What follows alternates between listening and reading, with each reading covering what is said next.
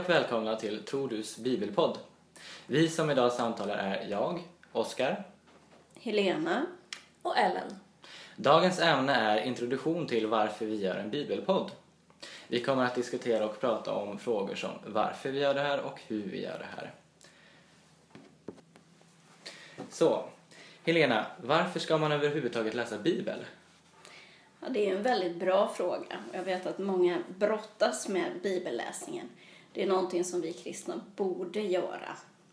Jättemånga har damm på sin bibel och rost i själen och tycker att jag läser alldeles för lite och det jag läser ger mig inte tillräckligt.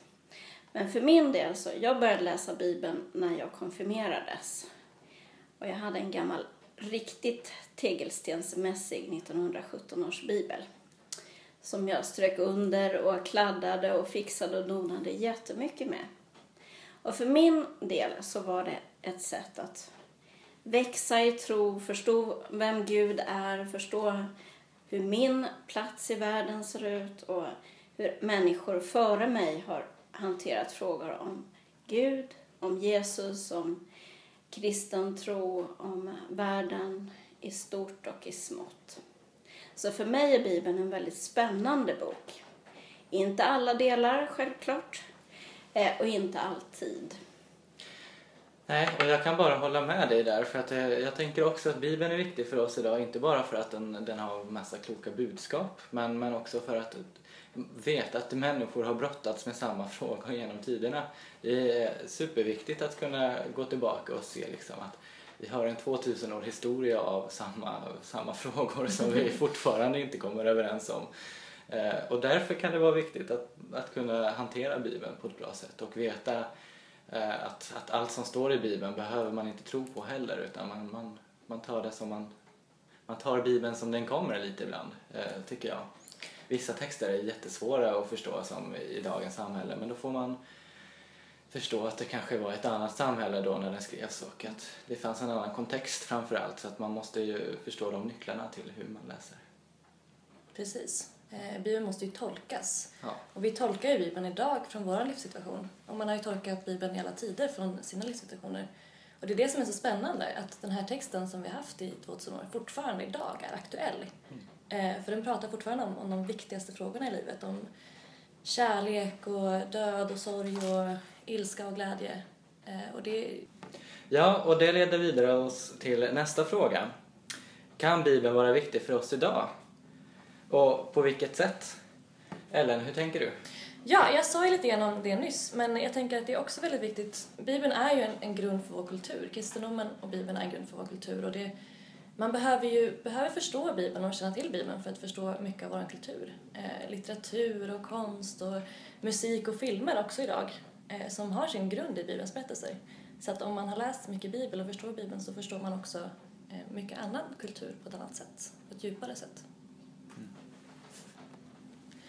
Ett exempel på det eh, är ju Harry Potter. Eh, I de böckerna så finns det ju väldigt, väldigt mycket bibelhistorier och sånt som är återberättat.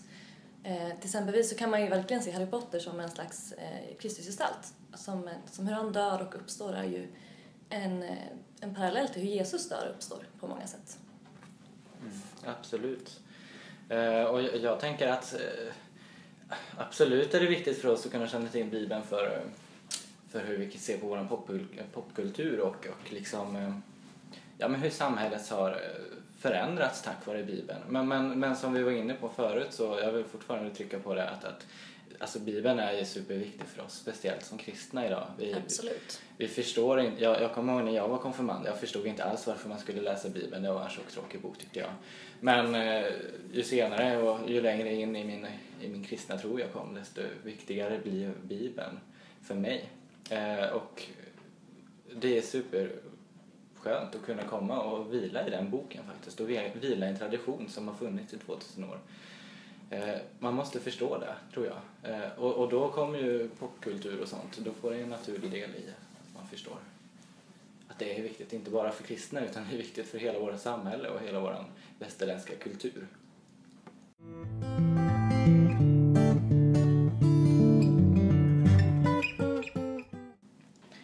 Någonting som man inte får glömma bort är att vi alltid läser Bibeln med en viss typ av glasögon.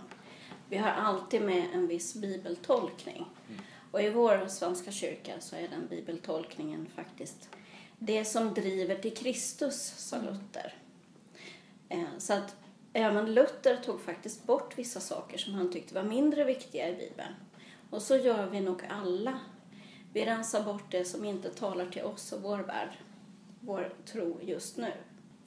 Ja, och jag tänker så här att det leder också till nästa fråga som vi har. Varför vi gör det här har vi redan diskuterat lite, men, men vi ska ju också säga hur vi gör det här. Och jag tänker börja lite i varför. Eh, vi vill ju att våra lyssnare ska kunna följa med oss i våran eh, bibelläsning. Eh, vi vill att vi, vi ska kunna bidra med tankar och idéer så att man inte själv på kammaren sitter och bråkar med allting som man kan bråka om. Bibeln är jobbig eh, och Bibeln ska vara jobbig eh, och det är därför man behöver läsa Bibeln tillsammans. Och då tänkte vi att en virtuellt bibelpodd, det är det bästa sättet att nå ut till så många som möjligt. Eh, Så det är lite varför vi gör det. Och hur vi gör det, det leder ju in till att vi, vi har en metod som vi tänker att Först läser vi texten ett par gånger och sen ska vi välja ut ett ord eller stycke som vi tyckte var, var det talade till mig. Det, det gjorde någonting i mig som kändes bra. Jag blev intresserad av det här. Och så ska vi välja ut eh, ett annat ord eller ett annat stycke som vi kände att det här, det här talar inte till mig, det här var svårt. Eh, det här behöver jag hjälp med att förstå. Och det är lite ett klassiskt bibelstudie, hur ett ord som, eller en mening som var bra och en mening som, eller ett ord som inte var bra. Och sen kommer vi diskutera det eh, med varandra. Mm. Vi vill ju gärna att våra bibelpoddar ska användas. Och därför skulle det vara jättekul om du ville samla din lokalavdelning, sitta och lyssna på vårt bibelstudium, sen stänga av och göra ett eget bibelstudium med dina kompisar. Du kanske inte alls håller med om det vi tycker och du kanske inte alls fastnar för samma sak som vi. Det blir mycket, mycket mer intressant om du jobbar tillsammans med andra istället för att du bara sitter och lyssnar av det vi tycker. För vi är inte experter. Vi kommer in med det som vi tycker. Och det kan vara dessutom olika dag för dag. Så det som vi säger idag kanske vi inte alls håller med om om fyra veckor. Nej.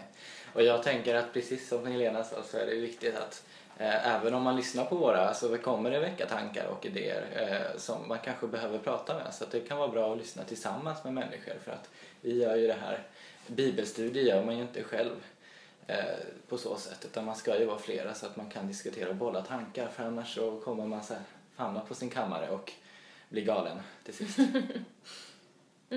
Ja. Det, det är det som är så fantastiskt med Bibeln. Att eh, det finns så många bottnar, det finns så många olika trådar att dra i. Eh, och det är därför vi behöver vara flera, därför att vi hittar olika trådar och olika perspektiv. Mm. Ja, eh, och, och, och nu är väl ett bra tillfälle då att nämna vad vi, vad vi faktiskt kommer att prata om och vad vårt tema för det här, den här podden är. Eh, och vi har ju bestämt oss för att prata om första Johannesbrevet. Dels för att det är ett ganska kort brev men också för att det finns väldigt, väldigt mycket roligt och intressant och svårt att hitta i det här brevet. Eh, vi har valt lite att eh, utgå från Bibel 2000s rubriksindelning. Och det är 13 rubriker, så efter den här podcasten så kommer alltså 13 till med de rubriksindelningarna.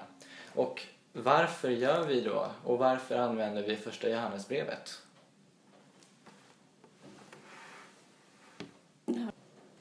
Mm, första Johannesbrevet är väldigt intressant. Ett kort brev, men det innehåller mycket av det vi brottas med. Gud som kärlek, Gud som ljus, eh, vår uppgift som ljus i världen. Det här brevet är ju skrivet i en grupp, det ser man väldigt tydligt i början av brevet. Eh, och de som skriver markerar väldigt starkt att de har träffat Jesus. De har sett, de har hört och de har tagit på med sina händer. Det är jättespännande. Det är inte bara ett allmänt tyckande utan här försöker man tolka det man har sett, det man har hört, det Jesus har sagt. Och man tolkar det utifrån en tanke om att det finns en dualism i världen. Alltså det finns ett gott och ett ont. Eh, det finns ljus och det finns mörker. Det finns de som försöker lura oss kristna till att välja fel sida. Och hur hanterar vi det? Vad är rätt sida? Det är ett otroligt spännande brev som man kan läsa hur många gånger som helst. Och det är därför som vi har valt det just som vår första bibelpodd. Ja, tack för oss. Det var ungefär allt vi hade att komma med idag. Tack för att just du har lyssnat på vår bibelpodd. Om du tyckte det här var intressant så kan du följa oss på Twitter under namnet snabela svk unga tro och på vår Facebook under Tror du. Samt kan du kontakta oss på våra mejl tro svenskakyrkansunga.se Tack för oss. Hej då!